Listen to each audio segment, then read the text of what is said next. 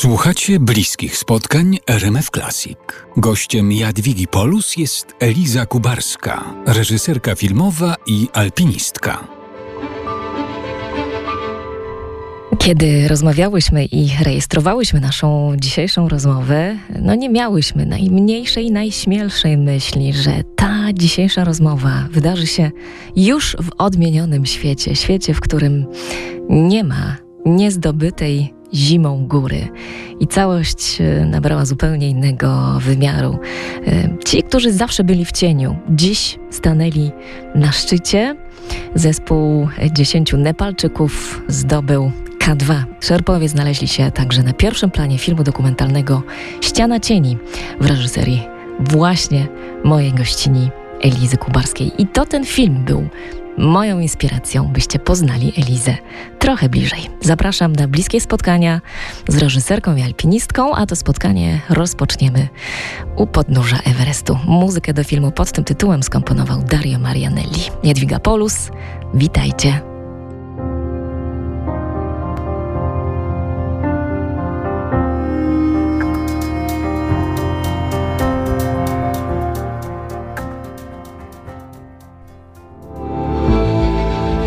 Pasji do wspinaczki, podróżowaniu i kręceniu filmów dokumentalnych opowiada Eliza Kubarska, reżyserka. Jak powiedziała mi w rozmowie, każdy film to przygoda. Produkcja filmu zajmuje od 3 do 5 lat. Gdy spogląda na swojego sześcioletniego syna, mówi, że to bardzo długi czas.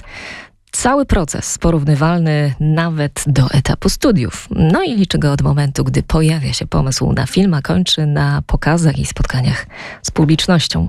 Dlaczego wybiera tak dalekie i niedostępne, trudne lokacje swoich filmów? Wspomnę choćby wschodni Nepal, Borneo czy Grenlandię. To jest bardzo trudne pytanie, a może nie, a może ono jest po prostu bardzo łatwe. Ja myślę, że to, że to wzięło się stąd, że ja po prostu byłam bardzo rozpędzona swoim stylem życia, który powiedzmy wiodę od no, prawie 20 lat. Y, to się łączyło na początku bardzo y, ze wspinaczką i z takim zamiłowaniem do podróży. Kluczem do tej podróży na początku dla mnie była wspinaczka. Y, byłam już wtedy z moim partnerem wspinaczkowym, dzisiaj mężem Dawidem i on był fotografem, jest fotografem, więc jakby to gdzieś tam się łączyło na samym początku, że my szukaliśmy tych ciekawych miejsc do wspinania, a jednocześnie Dawid dokumentował te miejsca. E, ja dosyć naturalnie chwyciłam za kamerę, też kończyłam wtedy mm, studia na Akademii Sztuk Pięknych. E, to był Wydział Rzeźby, ale tak naprawdę to już był wydział, który się zmieniał w taki wydział multimedialny. To, to, jest, to była pracownia prowadzona przez Grzegorza Kowalskiego, profesora Grzegorza Kowalskiego, któremu bardzo dużo zawdzięczam. To właśnie dzięki niemu też mogłam w trakcie studiów wyjeżdżać na bardzo długie wyjazdy, co nie na wszystkich studiach na pewno by się udało. No i w pewnym momencie stwierdziłam, że, że ta kamera i właściwie film dokumentalny jest czymś, co, co, co mi pasuje najlepiej. E, no i najpierw realizowałam filmy właśnie na naszych wyprawach, a później to już tak szło, no widziałam, spotykałam jakieś miejsca na świecie i tak mi było żal, żeby o nich czegoś więcej, czegoś więcej nie zrobić, nie, nie podzielić się tym, co, co widzę. No myślę, że też z racji tej miłości mojej do wspinaczki e, w pewnym momencie zostałam mamą, więc jakoś tak trochę zaczęłam odchodzić od, od ekstremalnych wypraw, ale jednak gdzieś mnie tam cały czas ciągnie, żeby, żeby, żeby jeździć daleko. To wcale nie pomaga realizacji filmu, jak sama zauważyłaś to też wcale nie musi pomagać wcale historii, bo to, że ja robię film nie wiadomo w jakich ekstremalnych warunkach, to wcale nie musi się przekładać na to, że ta historia później jest lepsza. Wręcz przeciwnie, jeżeli mi i mojej ekipie filmowej jest trudniej kręcić, jeżeli byle jaka awaria może się skończyć w ogóle końcem planu filmowego, no to wcale nie wpływa pozytywnie na jakość tego filmu. No ale jednak robię to, co mnie fascynuje i to, co mnie kręci. Myślę, że po prostu jestem jakoś tak... Yy, no rozpędziłam się ile, jakiś czas temu i nie mogę się zatrzymać. No jest tyle fajnych miejsc na świecie. Ale w Polsce też można zrealizować piękny film, także nie zamykam się. Trzymam za słowo Elizę Kubarską, e, reżyserka filmów dokumentalnych, alpinistka. No i mam taką cichą nadzieję, że dzięki mojej gościni będziecie mieli okazję dziś e, zobaczyć oczami wyobraźni kilka wyjątkowych pejzaży i przeżyć kilka wyjątkowych zdarzeń. Bliskie spotkania z Elizą Kubarską do 20.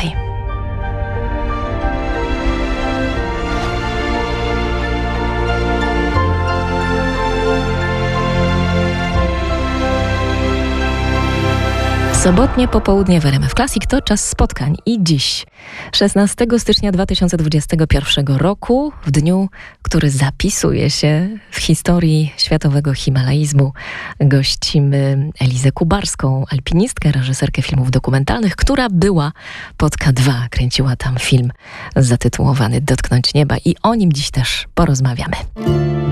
Ściana cieni K2 Dotknąć nieba. W RMF Classic prawdziwe historie w kadrach reżyserki Elizy Kubarskiej.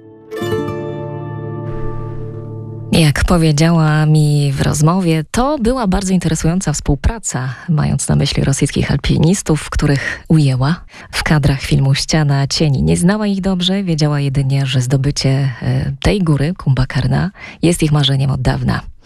Właśnie szli na świętą górę szerpów, a ona chciała o tym nakręcić film. I ta scena, alpinista dochodzi do decydującego momentu, w którym trzeba sobie zadać pytanie, czy idę dalej, czy nie. To najdłuższe ujęcie, jakie widziałam w kinie, obarczone niezliczoną ilością stresu, a potem ta twarz Dimy, jednego z alpinistów, te dwa ujęcia zainspirowały mnie do tych bliskich spotkań i spotkań z autorką filmu Ściana Cieni. W tych kadrach zrozumiałam także znaczenie tego tytułu. Posłuchajcie opowieści reżyserki o kulisach tych ujęć na wysokości około 7000 metrów. No, cieszę się, że, że, że zauważyłaś ten kadr.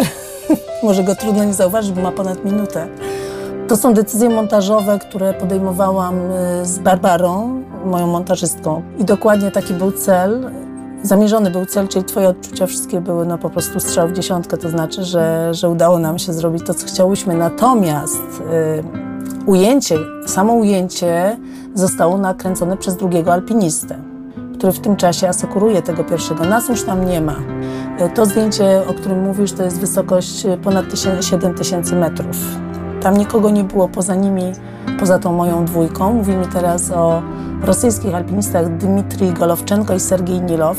I ja ich poprosiłam, e, żeby, żeby się w tamtych momentach, gdzie będą mogli, żeby się filmowali. Ale trzeba wiedzieć, że oni byli e, no, naprawdę w bardzo trudnych warunkach, na skraju wyczerpania. To, co oni zrobili, było bardzo, bardzo trudne. Pisały w pewnym momencie o tym media na całym świecie, ponieważ oni doszli do wysokości 7400 metrów i wycofywali się inną stroną góry, ponieważ nie byli w stanie wrócić na tą samą stronę. I zrobiła się z tego no, bardzo taka poważna akcja. I pomimo tego oni się cały czas filmowali dla mnie w sposób, w który, o który ich poprosiłam. Ja ich poprosiłam, żeby właśnie przytrzymali mi takie długie kadry cierpliwie. To jest normalnie coś, czego my nie robimy, bo jeżeli nie, nie filmujesz, to włączasz tą kamerę i tak już po tych 20 sekundach myślisz, ale to ujęcie jest długie, już czas je trzeba wyłączyć. A Dima i Sergiej dokładnie przynieśli to, o co prosiłam. I byłam pod wrażeniem w ogóle tego, że oni jakby dotrzymali tej obietnicy i tak poważnie wzięli sobie do serca to, e, to co ja ich poprosiłam. No i dzięki temu udało się zbudować te, te, te sceny, o których ty teraz mówisz. I ja też byłam pod wrażeniem, kiedy oglądałam te materiały. Po prostu wbijało mnie w krzesło i byłam, no, byłam podwójnym, pod podwójnym wrażeniem. Po pierwsze, że oni to nakręcili, a po drugie, że po prostu też byłam ciekawa, co tam się dalej wydarzy. Widzę, że facet po prostu idzie po jakimś, jakby szedł po wacie, to się wszystko sypuje, on nie ma żadnej asekuracji, pod nim jest totalna przestrzeń, jest na wysokości 7000 metrów, jakikolwiek upadek poważniejszy to jest, to jest właściwie, nie ma żadnej szansy pomocy z żadnej strony. I dokładnie tak jak ty zastanawiałam się, o czym on teraz, o czym ten człowiek, wiesz, y, co go motywuje, dlaczego on tam idzie, czego on tam szuka, prawda? Więc to wszystko było fantastyczne dla tego filmu. Twarz Dimy została nakręcona przeze mnie. E, nie było już wtedy żadnego z operatorów. To był ten moment, kiedy poszłam po alpinistów po tej drugiej stronie góry, żeby ich odebrać przynieść im jedzenie i nawigować ich po drodze, ponieważ oni schodzili drogą, której nie znali. To już, ta, sprawa, ta sytuacja już była bardzo poważna. Jakby ten film trochę nie miał znaczenia wtedy. Oczywiście miałam ze sobą kamerę. Kiedy ten Dima się zaczął do mnie zbliwa, zbliżać, no ustawiłam tą kamerę i im był bliżej mnie, tym bardziej zaczęłam, zaczęłam dostrzegać szczegóły na jego twarzy i oczywiście to, co zobaczyłam, to jest to, co, to, co wszyscy widzimy. No i, no i wytrzymałam tyle, ile wytrzymałam. Nie wytrzymałam bardzo długo tego ujęcia. Nie byłam w stanie, byłam po prostu zbyt poruszona. byłam przerażona. E, oczywiście by, Dima i Sergiej byli skrajnie wyczerpani z głodu, z odwodnienia, no i w ogóle z całej akcji górskiej, która trwała tam no, prawie 19 dni, byli na bardzo dużej wysokości. A jeżeli chodzi o sam tytuł, on mi się spodobał, bo jest dosyć metaforyczny, prawda? I można go tłumaczyć na wiele sposobów. Tak naprawdę wzięłam go stąd. To troszkę, to nie do końca tak, tak było, jakbym chciała, bo ściana cieni to jest dokładnie nazwa północnej ściany Kumbakarny, czyli innej ściany tej samej góry. Okazało się później, że alpiniści nie są zainteresowani północną ścianą, tylko wschodnią. I troszkę miałam dylemat, czy mogę zostawić tytuł, który w świecie wspinaczy może być rozpoznany, że to nie jest ta ściana. Ale, ale w rozmowach z, z przyjaciółmi stwierdziliśmy, że to jest tak uniwersalny tytuł, który można, tak metaforyczny, można go na tyle sposobów tłumaczyć, że jest po prostu bardzo dobry do tej historii. Może opowiadać o, to ci szerpowie mogą być jakimiś cieniami z tej ściany, prawda?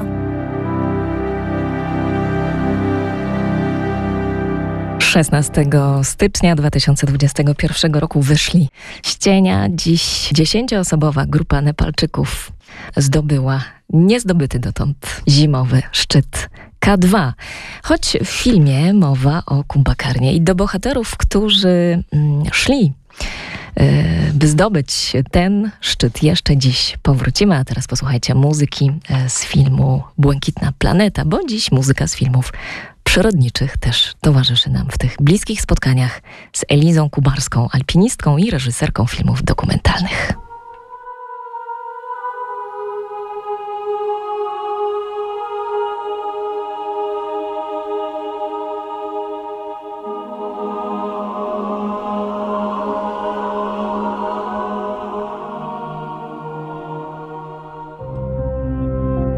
O sztuce filmu dokumentalnego. W bliskich spotkaniach RMF Classic opowiada Eliza Kubarska, reżyserka i podróżniczka. W rozmowie wyznała, nie jestem oryginalna w tym, co robię. To, co robię, przekazali mi mistrzowie polskiego dokumentu. Dziś w bliskich spotkaniach patrzymy na świat oczami Elizy Kubarskiej. No i tu w rozmowie padają dwa nazwiska, Marcel Łoziński i Jacek Bławut. Ukończyła także Akademię Sztuk Pięknych oraz kurs reżyserii i filmu dokumentalnego w Szkole Wajdy. Po to wszystko, by nauczyć się produkcji filmowej, o której nie wiedziała jeszcze wtedy nic. To był strzał w dziesiątkę, jak powiedziała mi w rozmowie, miejsce, w którym po prostu miała się pojawić. Jak rozumie film dokumentalny i jego etykę o perspektywie reżysera na prawdziwych bohaterów i prawdziwe historie? Posłuchajcie już teraz. Film dokumentalny jest y, właściwie subiektywną wypowiedzią autora na dany temat. I teraz na przykładzie ściany cieni mogę to jakoś tak lepiej może wytłumaczyć. Gdybym opowiadała o wyprawie ekstremalnej alpinistów, jednymi z bohaterów mojego filmu byli jedni z najlepszych alpinistów świata, którzy próbowali zdobyć niezdobytą wschodnią ścianę góry Żanu, która ma prawie 8000 metrów. Gdybym ja opowiedziała, gdybym ja zdecydowała jako reżyser, że ja opowiadam ten film z punktu widzenia alpinistów, no to ta historia wyglądałaby zupełnie inaczej niż ta, którą zrobiłam. Czyli opowiedziałam o tejże wyprawie, ale z punktu widzenia szerpów.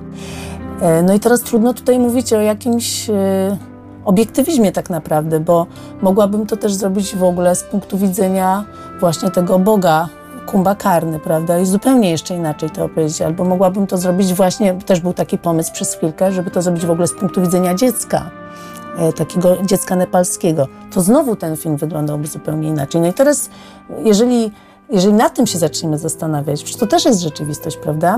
To, no to właśnie czym jest ten film dokumentalny? No, on opowiada o rzeczywistości, ale jakby nie było, jest to, jest to subiektywna wypowiedź autora, reżysera, twórców, dla mnie to, co jest również ważne, to nie jest tylko to, żeby dowiedzieć się o tym, kim są szerpowie, skąd pochodzą. To wszystko jest ważne, jakim mówią językiem, w co wierzą, ale nie, ja nie myślę o tym w kategoriach wiedzy encyklopedycznej, takiej jak Wikipedia, bo to sobie można przeczytać. To, co ja zawsze sobie e, daję sobie taki cel, to to, żeby zrobić tak ten film, żeby widz miał szansę poczuć, jak to jest być szerpą na przykład. Albo znowu powiem o Bajao Duchy z Morza. Poczuć, jak to jest być nomadą, który rodzi się na morzu i nie widział nigdy telewizora.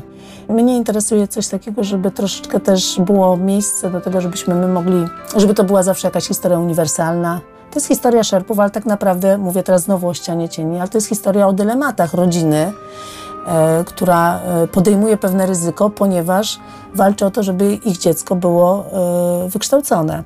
To przecież jest bardzo uniwersalna historia, przecież ona może się odbywać gdziekolwiek, ona się może u nas odbywać w Radomiu na przykład, prawda? To jest chyba jedyne ograniczenie, które ja sobie narzucam. Po prostu taka odpowiedzialność ludzka, odpowiedzialność za ludzi, e, których historię opowiadam. No bo to jednak jest tak, że żebym mogła opowiedzieć czyjąś historię, to ten człowiek musi mnie obdarzyć dużym zaufaniem. Ja mogę potem z tym materiałem zrobić naprawdę dużo.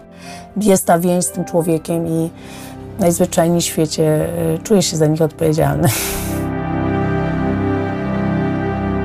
O pasji do wspinaczki, podróżowaniu i kręceniu filmów dokumentalnych rozmawiamy dziś z Elizą Kubarską, reżyserką i alpinistką. Zostańcie z RMF Classic. To spotkanie do 20. Poznajcie jeszcze innych bohaterów filmów e, Elizy. To jest muzyka Gustawa Santolai, którą e, słyszycie w tle. Pochodzi z filmu Tajemnica Brokeback Mountain. No i tą melodią chcę, byście przypomnieli sobie piękne kadry ośnieżonych górskich szczytów.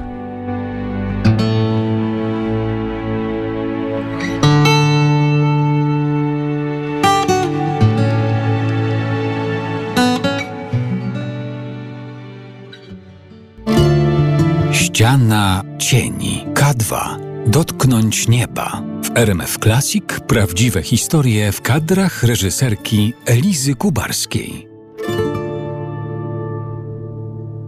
Zapytałam artystkę, czy jej filmy wnoszą coś nowego w życie jej bohaterów. No i odpowiedziała mi bardzo szybko na to pytanie Eliza Kubarska. Najlepszym przykładem jest film K2 Dotknąć Nieba. Film, który jest opowieścią o historii dzieci wspinaczy, których rodzice zginęli na K2. Bardzo intymna historia, która opowiada tak naprawdę o traumie. W kadrze dorosłe dzieci, historia, która przywołuje wydarzenia sprzed 25 lat. To był pamiętny, tragiczny sezon, gdy K2 uśmierciła wielu alpinistów. Wydawać by się mogło, że to e, już zapomniana historia, zapomniana sprawa, że minęło tak dużo czasu.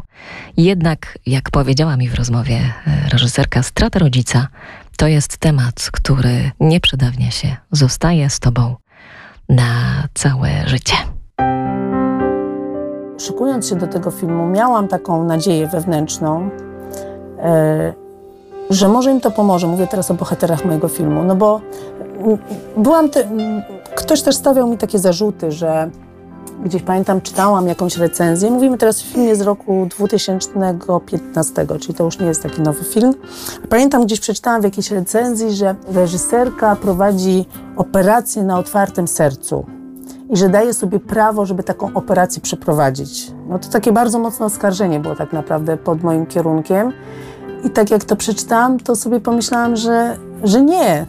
To znaczy, to nie tak było. To, to, nie, to nie, nie, to nie chodziło o operację na otwartym sercu, to raczej chodziło o coś takiego, że bardzo często pewne nieprzerobione sytuacje życiowe, takie właśnie zamiecione pod dywan, e, jeżeli nie są rozwiązane, no to one po prostu będą całe życie nam wychodzić i, i przeszkadzać nam tak naprawdę w tym życiu. I taka była moja motywacja. I miałam taką wielką nadzieję, że taka, że oprócz tego, że opowiemy historię, która będzie miała znaczenie, czyli opowiemy o czymś, o czym się nie opowiadało, tak naprawdę wydaje mi się, że ten film jako jeden z pierwszych podejmował w ogóle temat e, tych czarnych stron e, himalaizmu, tej miłości do gór. Czyli on opowiadał o tej historii zupełnie znowu innej, z innego punktu widzenia, czyli z perspektywy ludzi, którzy zostawali tutaj na nizinach i potem musieli żyć z tym, co się wydarzyło, z decyzjami, jakie ktoś inny podjął. Akurat to byli ich, ich rodzice, no to to są decyzje dosyć ważne. Miałam głęboką nadzieję, że tym ludziom to pomoże i tak się stało. Może nie w każdym przypadku, bo to były różne historie, ale na przykład jedną z bohaterek mojego filmu była Hania Piotrowska, córka wybitnego himalajsty Tadeusza Piotrowskiego, który zginął na K2 y, jeszcze zanim Hania się urodziła. Także Hania nie poznała nigdy ojca kiedy ja ją spotkałam pierwszy raz, to ona mi powiedziała, ten temat mnie w ogóle nie obchodzi, to jest zamknięty rozdział w moim życiu. Miała wtedy 23 lata. Ja tak od razu poczułam, że to nie jest prawda, ponieważ tak młoda osoba e, nie miała czasu jeszcze, żeby się rozprawić z tym tematem. I mm, nawet e, pod namową mamy Hani, to ona mnie tak zachęcała do tego, mówiła spróbuj jeszcze raz, spróbuj porozmawiać z Hanią. I faktycznie pojechałam do Hani do Amsterdamu, ona wtedy mieszkała w Amsterdamie, żeby jeszcze raz z nią o tym porozmawiać osobiście. E, no i myślę, że znowu zrobiło na niej wrażenie to, że ja wykonałam jakiś wysiłek, żeby jednak przyjechać, porozmawiać i e, ta rozmowa skończyła się tym, że ona powiedziała, no dobrze, to co ja muszę zrobić, żeby pojechać na tą wyprawę pod Toka 2? Czy już bardzo chciała to zrobić i taki był mój cel. Jeżeli to się gdzieś udało, to się bardzo z tego cieszę. Eliza Kubarska o bohaterach filmu K2 Dotknąć Nieba. Do rozmowy z reżyserką i alpinistką jeszcze powrócimy. To są bliskie spotkania RMF Classic, teraz zabieram Was tam, gdzie była Eliza Kubarska i kręciła film o nomadach na Borneo. Ukryte Królestwa z muzyką Bena Fostera z kolei pokazuje najmniejsze zwierzęta bornejskiej dżungli.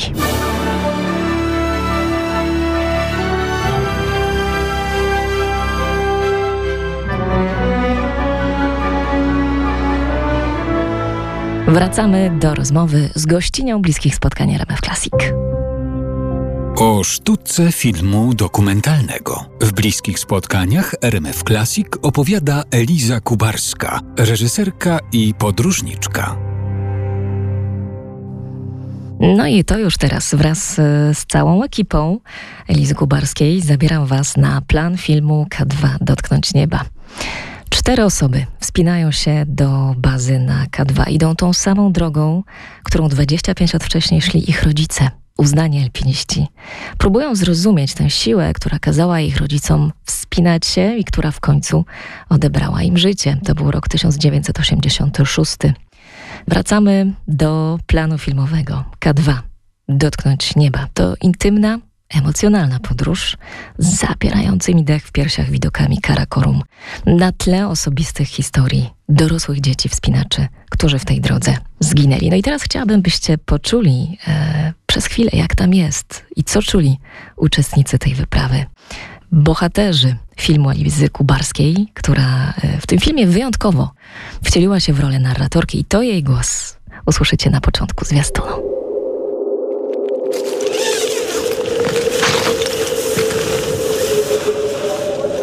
To będzie podróż w ich przeszłość i w moją przyszłość.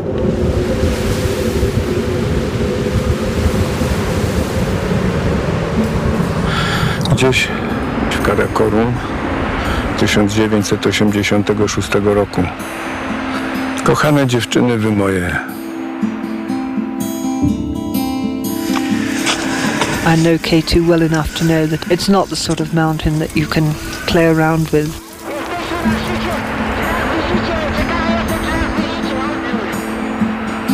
We wanted to stand right on top of the crystal and touch the sky.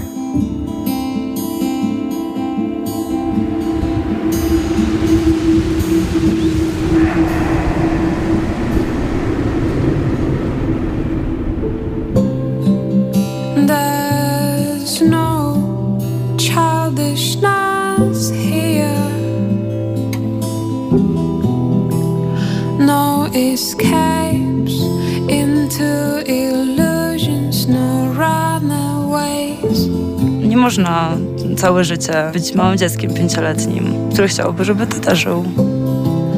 Once we were unfurling expanses, defiant, fanciful hours, way of tortuous half smiles. Tej najbliższy.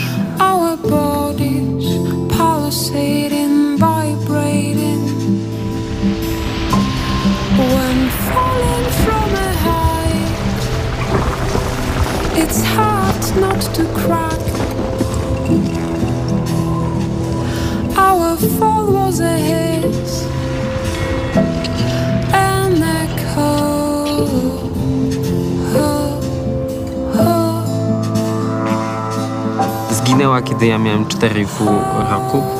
Trochę chciała mieć dziecko, trochę chciała się wspinać. At the end of the day, I'm a 50 year old housewife, not a stupid person who wants to climb mountains. Nie było w tobie czucia złości na niego? No na pewno. Przecież wiedzą, że mama była w ciąży.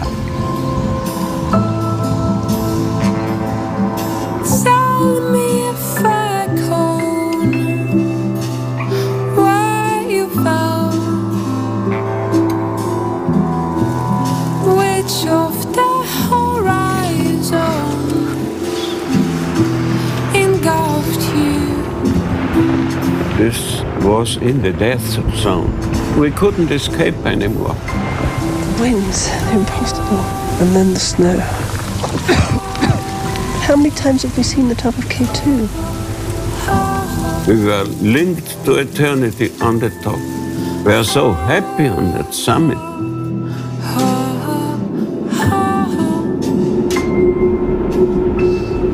You must take care of you and you must sleep, you know. Słyszycie archiwalne nagrania, zobaczycie także archiwalne zdjęcia, jedyne pamiątki, jakie dziś mają dorosłe dzieci tych, e, którzy zginęli w drodze na szczyt K2. W tym filmie dokumentalnym Elizy Kubarskiej pod tytułem K2 Dotknąć Nieba.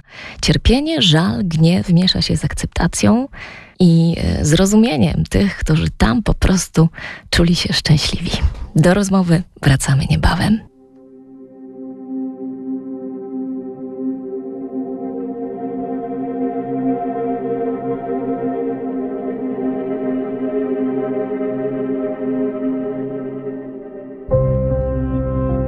O sztuce filmu dokumentalnego. W bliskich spotkaniach RMF Classic opowiada Eliza Kubarska, reżyserka i podróżniczka. W naszej rozmowie nie mogło zabraknąć wątku e, muzyki. Zapytałam artystkę o to, jak wygląda produkcja filmu dokumentalnego właśnie od tej strony muzyczno-dźwiękowej.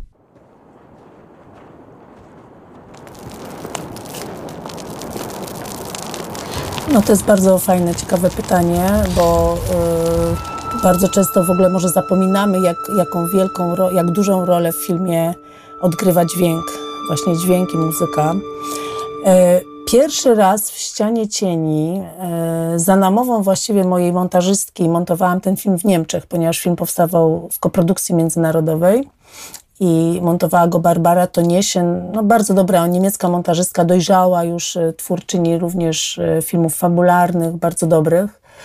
Ona zasugerowała mi, żebym rozpoczęła współpracę z kompozytorem, teraz mówię o muzyce, e, jak najszybciej. To znaczy, dopiero jak zaczynałyśmy montaż, to żeby już spróbować pracować w tym samym momencie, jakby równolegle z kompozytorem, czyli fragmenty scen, które my już sobie montowałyśmy, podmontowywałyśmy właściwie, bo to nie były gotowe sceny, żeby od razu jemu wysyłać i żeby on wysyłał nam swoje propozycje muzyczne.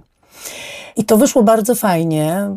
Z kolei kompozytor był ze Szwajcarii, więc to naprawdę była, zrobiła się z tego taka e, międzynarodowa e, współpraca. I faktycznie bardzo mi się to podobało. Marcel Weid, e, tak się nazywa kompozytor.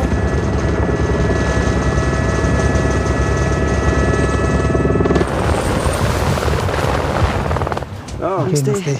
Namaste. Namaste.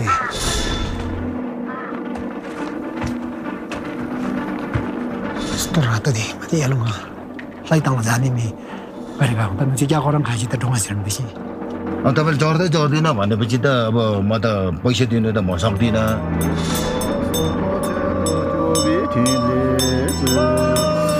bawiliśmy się tą muzyką. To znaczy, najpierw, najpierw ja z nim bardzo długo rozmawiałam e, o tym, co ja bym chciała, żeby ta muzyka w ogóle wniosła do tego filmu.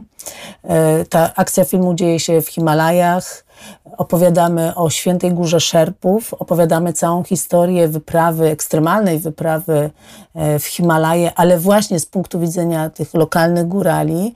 To są buddyści, więc oczywiście są też te elementy takie lokalne, ale jednocześnie ja bardzo e, prosiłam Marcela, co on zresztą świetnie zrobił, szukaliśmy takich dźwięków, które by nam opowiedziały o tym królestwie e, bogów, którzy zamieszkują Himalaje, bo to jest tak, jak, jak Himalaje widzą Szerpowie. E, I w pewnym momencie on mi, on mi pokazywał, ja nawet pojechałam do niego do Szwajcarii, do Cyruch i on mi pokazywał różne instrumenty i grał tymi instrumentami i w pewnym momencie ja złapałam taki instrument, który troszeczkę brzmiał jak takie zwykłe troszeczkę jak takie cymbałki, taki trójkąt, ale to był zupełnie inny instrument gdzieś y, z jakiejś dalekiej wschodniej Azji i bardzo mi się to spodobało i stwierdziłam, tak Marcel, to jest właściwie dźwięk tego naszego lodowca, tego, tego królestwa i zaczęliśmy wokół tego budować. Jeżeli chodzi w ogóle o udźwiękowienie, y, to tutaj kluczową rolę w udźwiękowieniu pełni y, człowiek, z którym pracuję od wielu lat. Franciszek Kozłowski udźwiękawiał już chyba mój czwarty film, E, wielokrotnie Franciszek też, e, Franek jest ze mną na zdjęciach, był zarówno w Himalajach w pierwszej części zdjęć, był na Borneo, ale udźwiękawiał każdy z moich filmów. Tak naprawdę go udźwiękawiamy, kiedy on jest już zamknięty, jeżeli chodzi o montaż. I później, jak dochodzi do tego momentu udźwiękowienia, nagle ten film, który jest tam ułożony w e, pokoju montażowym, nagle on zaczyna zupełnie inaczej wyglądać, bo go można usłyszeć. I to jest w ogóle, i to już jest taka jazda.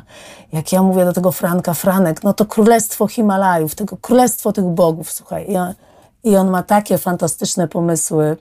To samo zresztą robił też z filmem podwodnym na Borneo, kiedy udźwiękawiał sceny podwodne. Pod wodą nie ma dźwięku tak naprawdę, nie da się go nagrać. E, także to jest super zabawa, ja to uwielbiam. एकदम से पिले बसेछ छैन नि चढ्दैछ भनेदेखि त यिनीहरूको सबै भएको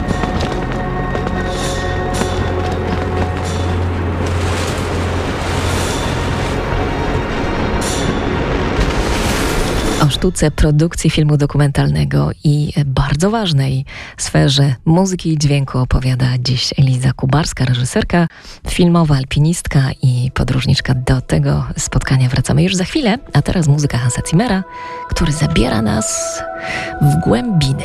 Błękitna planeta, część druga.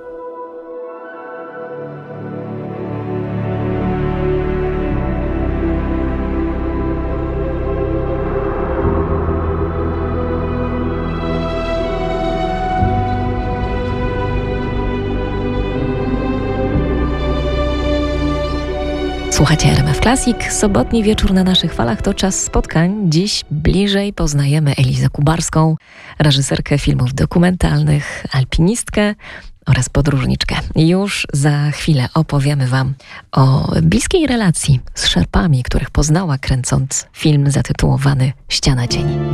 Ściana Cieni K2 Dotknąć nieba. W RMF Classic prawdziwe historie w kadrach reżyserki Elizy Kubarskiej. To właśnie w filmie Ściana Cieni mamy okazję poznać rodzinę Szerpów.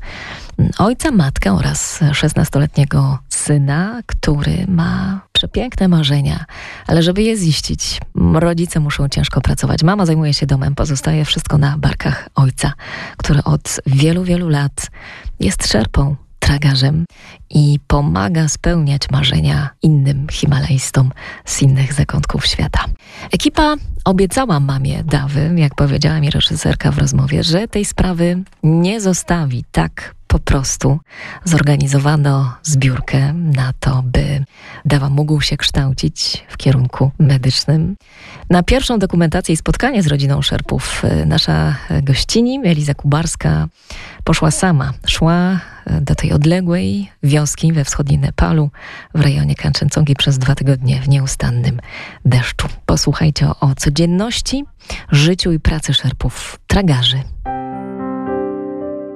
Nigdy w życiu tak nie zmokłam. Szłam przez dwa tygodnie w ogromnym deszczu, po drodze mijając e, różnego rodzaju obrywy.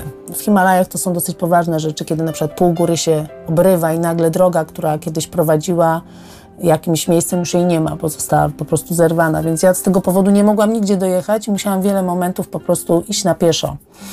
I kiedy już doszłam po tych dwóch tygodniach do tej wioski, a miałam też małe dziecko wtedy w domu, więc to wszystko było takie trochę no, na wariata generalnie, bo zniknęłam na ten miesiąc, szukając yy, bohaterów szerpów i Świętej Góry.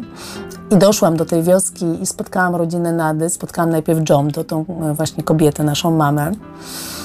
I potem spotkałam Nadę i powiedziałam im, jaki jest mój pomysł. Od razu powiedziałam, że chciałabym zrobić historię o wyprawie. Nada pracował, jest climbing sherpą, pracuje na wyprawach, więc wiedziałam, że to właśnie do niego mogę to kierować, to moje zapytanie, że chcę zrobić taki film o wyprawie, ale z ich punktu widzenia. E, to im się to bardzo spodobało od samego początku i od samego, e, od samego początku bardzo ze mną współpracowali. Też im zależało, po prostu zależało im na tej historii. To też był taki moment, kiedy Nada po wielu latach pracy na wyprawach e, w nim zaczęła narastać taka frustracja. I, I, to się czuło. I dlatego ja myślę, że jemu się spodobał ten mój pomysł, bo on chciał, chciał się już z tym podzielić, chciał się podzielić e, tymi swoimi odczuciami. On generalnie mówię teraz o szerpach.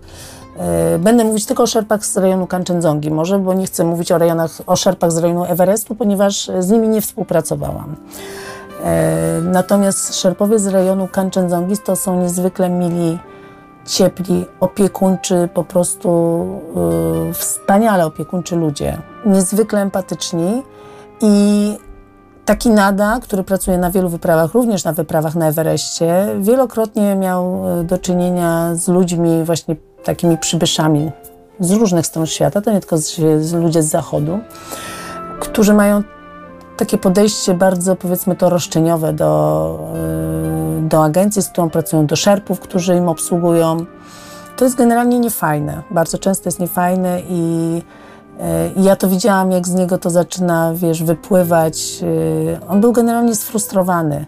Opowiedział mi wiele historii, nie wszystkie znalazły się w filmie, bo nie zawsze było na to miejsce.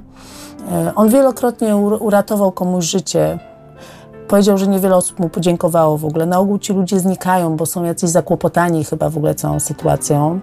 Zdarzyło się też tak, że y, jakiś oni w ogóle nazywają y, ludzi, których wprowadzają na najwyższe szczyty, to często nie są wspinacze tak naprawdę. Oni ich nazywają turystami. Mówię teraz o Szerpę. E, I mówią, że no, zdarzają się takie sytuacje, że taki turysta po prostu absolutnie się nie nadaje na to, żeby wejść na, na tą górę. Po prostu jest za słaby i ryzykuje nie tylko swoje życie, ale ryzykuje również życie tego szerpy.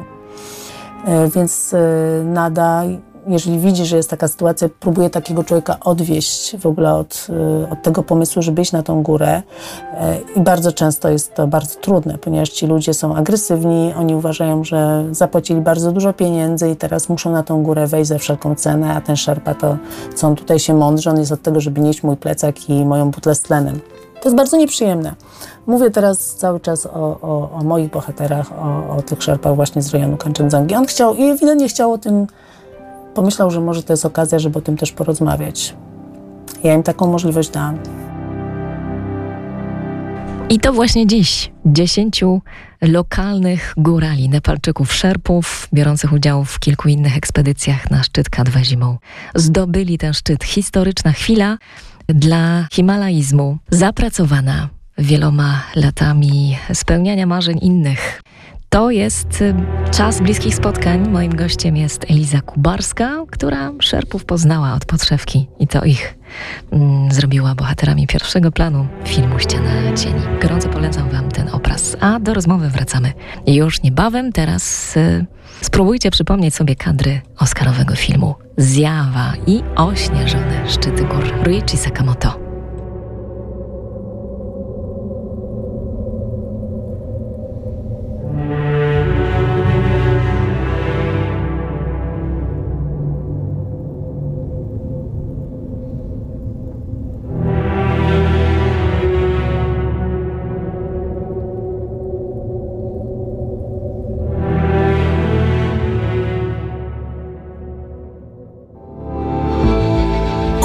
Pasji do wspinaczki, podróżowaniu i kręceniu filmów dokumentalnych opowiada Eliza Kubarska, reżyserka. Jest jedną z niewielu kobiet na świecie, która otwiera nowe drogi na niezdobytych szczytach świata, m.in. w Mali, Meksyku, Wietnamie czy na Grenlandii. Zapytałam artystkę w rozmowie o ten moment, który zaważył na przyszłości zawodowej Elizy Kubarskiej. Wtedy, kiedy była jeszcze studentką Akademii Sztuk Pięknych. Najważniejszą wyprawą w moim życiu była wyprawa, którą zrealizowaliśmy z moim Dawidem w roku 2007, wyprawa na Grenlandię. z wielu powodów. E, to była chyba taka wyprawa, na której najbardziej musiałam się przemóc. E, naszym celem wtedy było zdobycie morskiego klifu, uważanego za najwyższy na świecie, który, jak to klif morski, zaczyna się prosto z morza, więc trzeba było pod niego, żeby w ogóle do niego, żeby podejść do, do ściany, żeby dotknąć ściany, trzeba było najpierw pod nią podpłynąć i zdecydowaliśmy się na podpłynięcie na morskich kajakach. I yy, no to wszystko, co się wydarzyło na tej wyprawie, to było dla mnie, no było dla mnie trudne, to było bardzo przełomowe. Musiałam się bardzo odważyć. Byliśmy tam sami i też to było ważne, dlatego że ja w trakcie tej wyprawy to już był taki moment, kiedy ja myślałam o tym, że chciałabym robić filmy i wcześniej robiłam jakieś krótkie formy i pomyślałam, kurczę, to wszystko, co tu się dzieje, to jest strasznie ciekawe, może właśnie na mój pierwszy film. I na podstawie tej wyprawy ja zrealizowałam swój pierwszy film y, pod tytułem Co się wydarzyło na wyspie Pam, który nie opowiadał tak naprawdę o samej wyprawie, czy on opowiadał o tej wyprawie, ale ta wyprawa była tak naprawdę tłem do historii o nas. To była historia o relacji pary wspinaczy w trakcie takiej wyprawy. Bo to, co mnie zaciekawiło, to było właśnie to, jak ta nasza relacja się zmienia. Mówię o takiej relacji damsko-męskiej. E, w trakcie wyprawy, która jest trudna. Czyli weszłam na ten szczyt, mówimy teraz o górze Małytka Karsłazi. Czułam się niesamowicie, kiedy nam się to udało i miałam, byłam tak nabuzowana taką pozytywną energią, że ta energia chyba mnie nie opuszczała przez rok. I na tej fali tej energii rozpoczęłam pr pracę nad swoim pierwszym filmem, jeszcze nic nie wiedząc. Dopiero wtedy y, poszłam właśnie do szkoły Wajdy, bo chciałam się tego nauczyć, jak ja mam właściwie to zrobić to wszystko, z czego korzystałam do tej pory, to były, to były takie umiejętności nabyte w szkole, y, w tej Akademii Sztuk Pięknych, czyli jakby bardziej artystyczne jakieś podejście, ale musiałam się wielu rzeczy nauczyć, po prostu takiego opowiadania historii, samej produkcji filmowej. Także myślę, że to był taki moment, który ustawił mnie potem na, na to wszystko, co, co robię do dzisiaj. I to za Grenlandią tęskni jeszcze bardziej niż za Himalajami. Ale my powróćmy na moment w region ośmiotysięczników. Zabieram Was do Basecampu razem z bohaterami filmu Everest. Muzykę do tego obrazu skomponował Dario Marianelli. Bliskie spotkania z Elizą Kubarską, reżyserką, alpinistką. Zostańcie z nami. Na koniec mamy dla Was jeszcze przepiękną piosenkę, ale o tym trochę później. O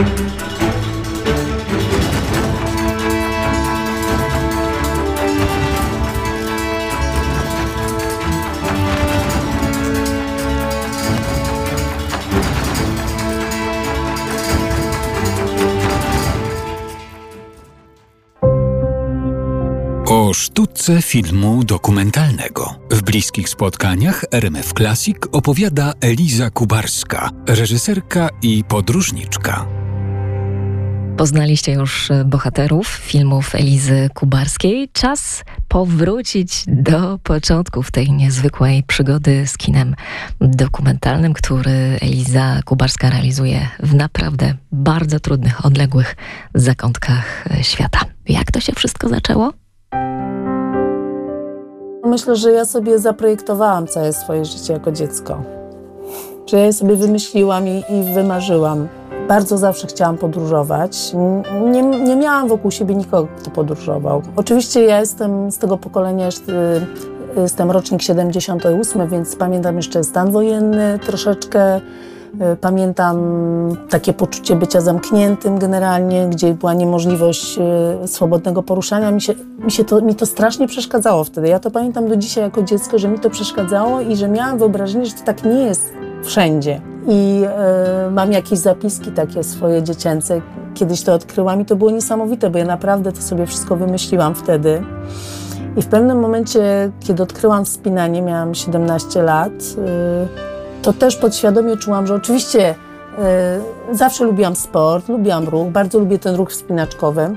Nadal to robię, uprawiam wspinaczkę sportową, jak mogę.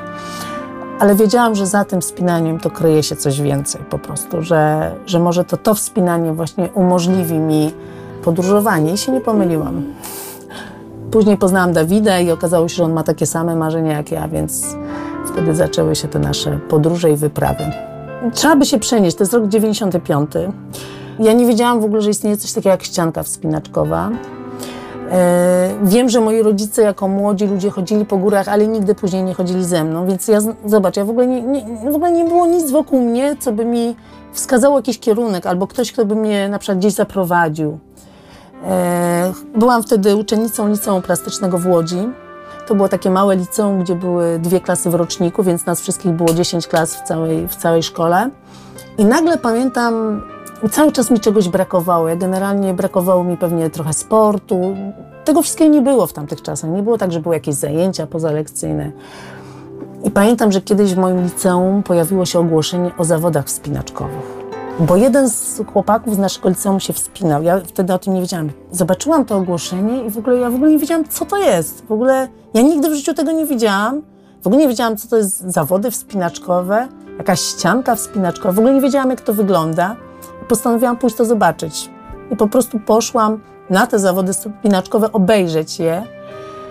I pamiętam to, jak dziś pamiętam dokładnie ten dzień. Pamiętam, kiedy oglądałam ludzi, którzy chodzili po suficie i po prostu, wiesz, szczęka mi coraz niżej opadała.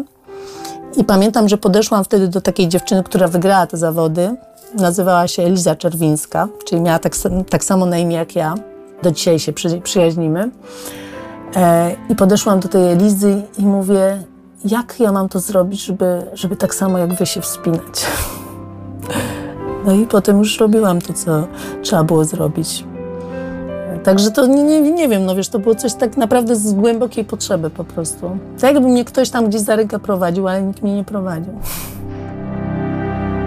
Dzięki tej pasji, odwadze prowadzi dziś nas, widzów jej filmów dokumentalnych, w miejsca, gdzie zwykła ekipa filmowa nie miałaby szans dotrzeć bez tej pasji, odwagi i umiejętności. Teraz zabieramy Was do Tybetu. Siedem lat w Tybecie z muzyką Johna Williamsa, a już niebawem powracamy do rozmowy.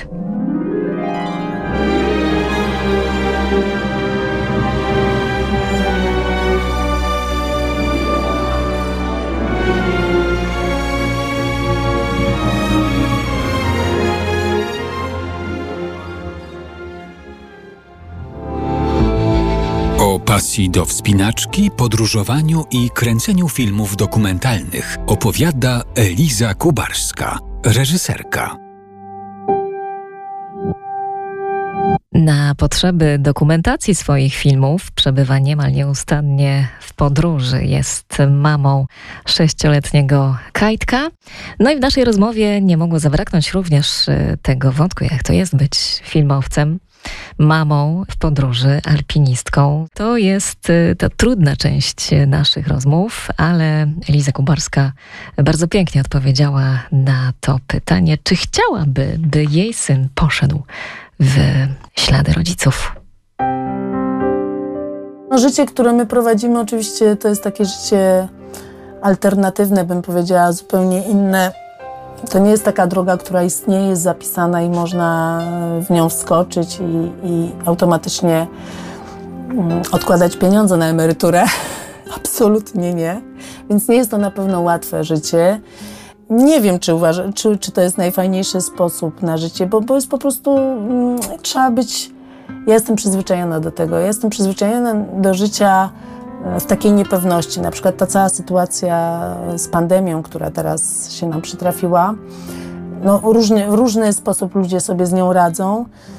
Dla nas jest to po prostu kolejna jakaś nowa sytuacja w życiu, absolutnie nieprzewidywalna. No, po prostu coś, na, to, na, na co nikt z nas by nie wpadł, ale jest to jedna z kolejnych sytuacji, które gdzieś tam w naszym życiu się wydarzały. I myślę, że może to jest plus tego stylu życia, że tak jak obserwuję siebie i porównuję siebie do, do ludzi, którzy mają inny styl życia, że umiemy się poruszać e, w terenie, którego nie znamy na przykład. To samo się dzieje na planie filmowym, szczególnie jeżeli ten plan filmowy znajduje się w ekstremalnym miejscu.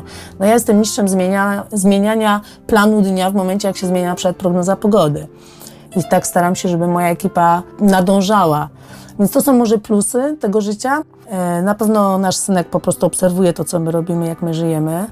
I może będzie, on na razie twierdzi, że tęskni za miastem i chce cały czas być w mieście, bo ja go cały czas gdzieś ciągnę po jakichś dzikich y, przyrodach. Y, teraz jesteśmy w górach w Turcji na przykład, już od dłuższego czasu. Więc on marzy o tym, żeby być w mieście. Więc zobaczymy, no wiesz, myślę, że to, to nie wiadomo, może on właśnie w przeciwieństwie do nas zupełnie będzie czego innego szukał. Ale na pewno ale na pewno wie, jak się poruszać w terenie, który nie jest taki oczywisty, jak szukać drogi, jak rozpalić ognisko, jak zrobić siku w lesie. To nie są problemy. Uważam, że to są super umiejętności, bardzo ważne. O tym, co ja bym chciała, a propos mojego dziecka, to bardzo mi zależy na tym, żeby on, gdzie mogę, to go biorę, żeby on również tych ludzi poznawał. Na przykład też jeździliśmy ostatnio w góry do Jordanii, na pustynię i mamy tam bardzo e, zaprzyjaźnione rodziny beduińskie. I nasz synek już ma kumpli beduinów, z którymi po prostu biega po pustyni i się bawią. I to jest, uważam, że to jest, to jest to, co ja mu mogę dać, żeby on zobaczył jeszcze, jak świat jest różnorodny, że ludzie są różni, że ludzie wierzą w różne rzeczy, że są różne religie na świecie, różne języki. Mówi płynnie po angielsku, ma 6 lat mój synek. To było dla mnie bardzo ważne też, żeby on mógł gdziekolwiek ze mną nie pójdzie, żeby mógł się komunikować. I to zadziałało i to jest w ogóle strzał w dziesiątkę, że nam się to udało. E, no myślę, że to jest jedyne, co ja mu mogę teraz pokazać. A co on z tego weźmie, no to już... E, e, ale jednak ja wierzę w to, że, że jak się dwoje ludzi spotka, to ta wymiana tej energii no jest po prostu bardzo ważna i oby, oby, oby to było znowu możliwe. Przed lockdownem, przed wybuchem epidemii Eliza Kubarska, reżyserka i alpinistka, zdołała udokumentować swój nowy film poświęcony Wandzie Rutkiewicz, polskiej himalaistce. Czekamy na ten film z niecierpliwością, a jeszcze przed 20 usłyszycie e, piękną historię, muzyczną historię, która towarzyszy bohaterom filmu K2 Dotknąć Nieba. Dziś o K2 usłyszał ponownie cały świat. Posłuchajcie teraz muzyki Jamesa Hornera z filmu Podróż do Nowej Ziemi.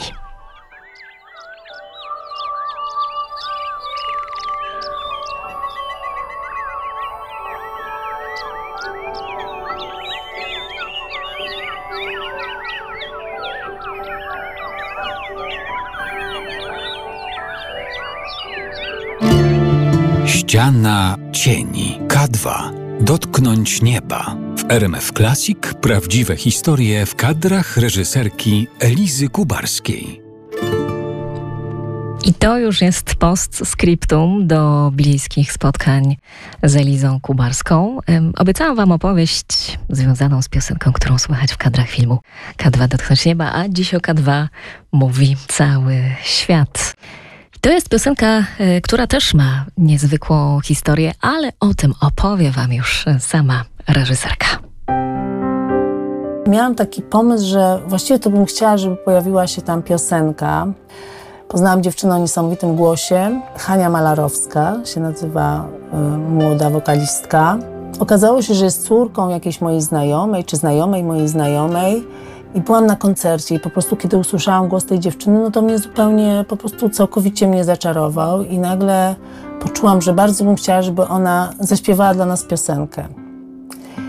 Później okazało się, że Hania ma do dyspozycji teksty, wiersze swojej zmarłej siostry. To była znowu taka bardzo smutna, tragiczna historia.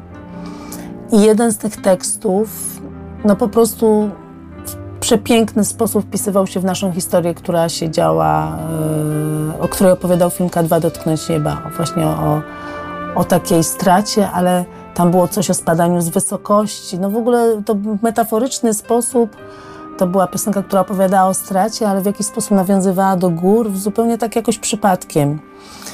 I Hani też się bardzo spodobał ten pomysł i ja wtedy poprosiłam Michała Jacaszka, żeby się spotkał z Hanią. I oni stworzyli dla nas piosenkę która pojawiła się na końcu filmu, a ja później na podstawie tej piosenki zrobiłam cały y, trailer do filmu, bo uważałam, że to jest coś, y, czemu trzeba poświęcić więcej czasu, ale to nie jest koniec tej historii. Po tym Michał Jacaszek i Hania Malarowska nagrali razem płytę. I to jest, i słuchaj, to jest coś, co ja bardzo lubię. Ja po prostu bardzo lubię zmieniać ludzi, kierunek płynięcia życia ludzi w taką bardzo pozytywną stronę. W ogóle na przykład uwielbiam, kiedy łączą się jacyś ludzie właśnie przy naszej produkcji, albo że na przykład zmieniamy komuś los, tak jak na przykład teraz zbieramy pieniądze na szkołę dla Dawy. I słuchaj, to jest w ogóle jakieś nie, niewiarygodne, bo yy, mamy zbiór, była zbiórka w Polsce i udało nam się zebrać właściwie prawie całą sumę, którą zbieraliśmy. W tym samym czasie e, odbywała się zbiórka w Szwajcarii, ponieważ film powstawał w koprodukcji polsko-szwajcarsko-niemieckiej i w Szwajcarii też zebrali trzy razy tyle. I ponieważ jeszcze jednym krajem jest Niem są Niemcy, gdzie produkowaliśmy film, czekamy cały czas, jak tam w Niemczech no, dojdzie do jakiejś dystrybucji, bo z powodu pandemii na razie to wszystko gdzieś tam też stoi, ale tam też jest planowana ta zbiórka. Słuchaj, wygląda na to, że my naprawdę zbierzemy pieniądze na to, żeby Dawa poszedł na studia. I zrobiliśmy to w, w, tym czasie, kiedy wydawało się, że to wszystko jest niemożliwe, bo nie ma pokazów kinowych, bo nie ma spotkań z publicznością, bo Dawa nie może przyjechać, bo był taki pomysł, że ja go tu ściągnę do Europy. I tego wszystkiego nie było, a i tak to zadziałało. I powiem Ci, że to jest w ogóle, jak już jestem taka zmęczona na koniec produkcji tego filmu, już taka jestem wypalona, wszyscy jesteśmy wypaleni, szczególnie ja i Monika, to już tak ciągniemy na resztkach, już jesteśmy wyczerpane. I potem wydarzy się taka sytuacja, to sobie myślimy, kurde, może to po prostu było warto, bo bo to w ogóle zmieni, y, może ta historia, ta nasza historia filmowa, jego historia, ale dzięki temu filmowi zmieni bieg życia tego człowieka w pozytywną stronę. Czy to nie jest super? Dawa Tsending Sherpa urodził się w małej wiosce w dalekim wschodnim Nepalu. Jest jednym z czworga dzieci urodzonych w rodzinie Sherpów. Ojciec Nada pracuje jako tragarz wysokościowy, zakłada liny poręczowe dla klientów i wprowadza ich na najwyższe szczyty. Tak już od lat ma na swoim koncie dziewięciokrotne zdobycie Everestu. No i pomimo imponujących osiągnięć wspinaczkowych, y, te doświadczenia niestety nie mają wielkiego wpływu na polepszenie bytu.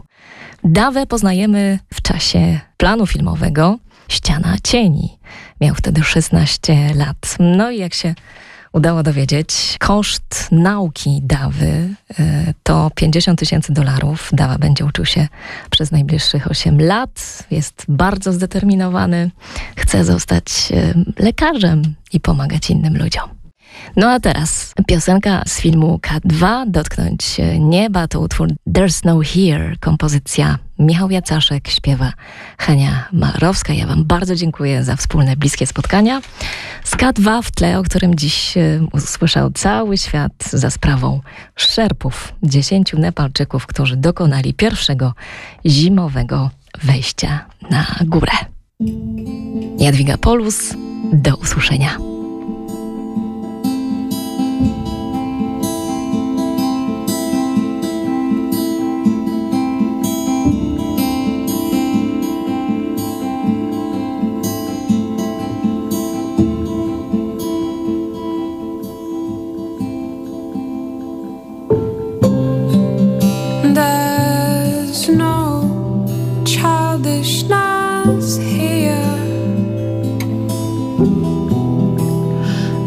Escapes into illusions, no runaways.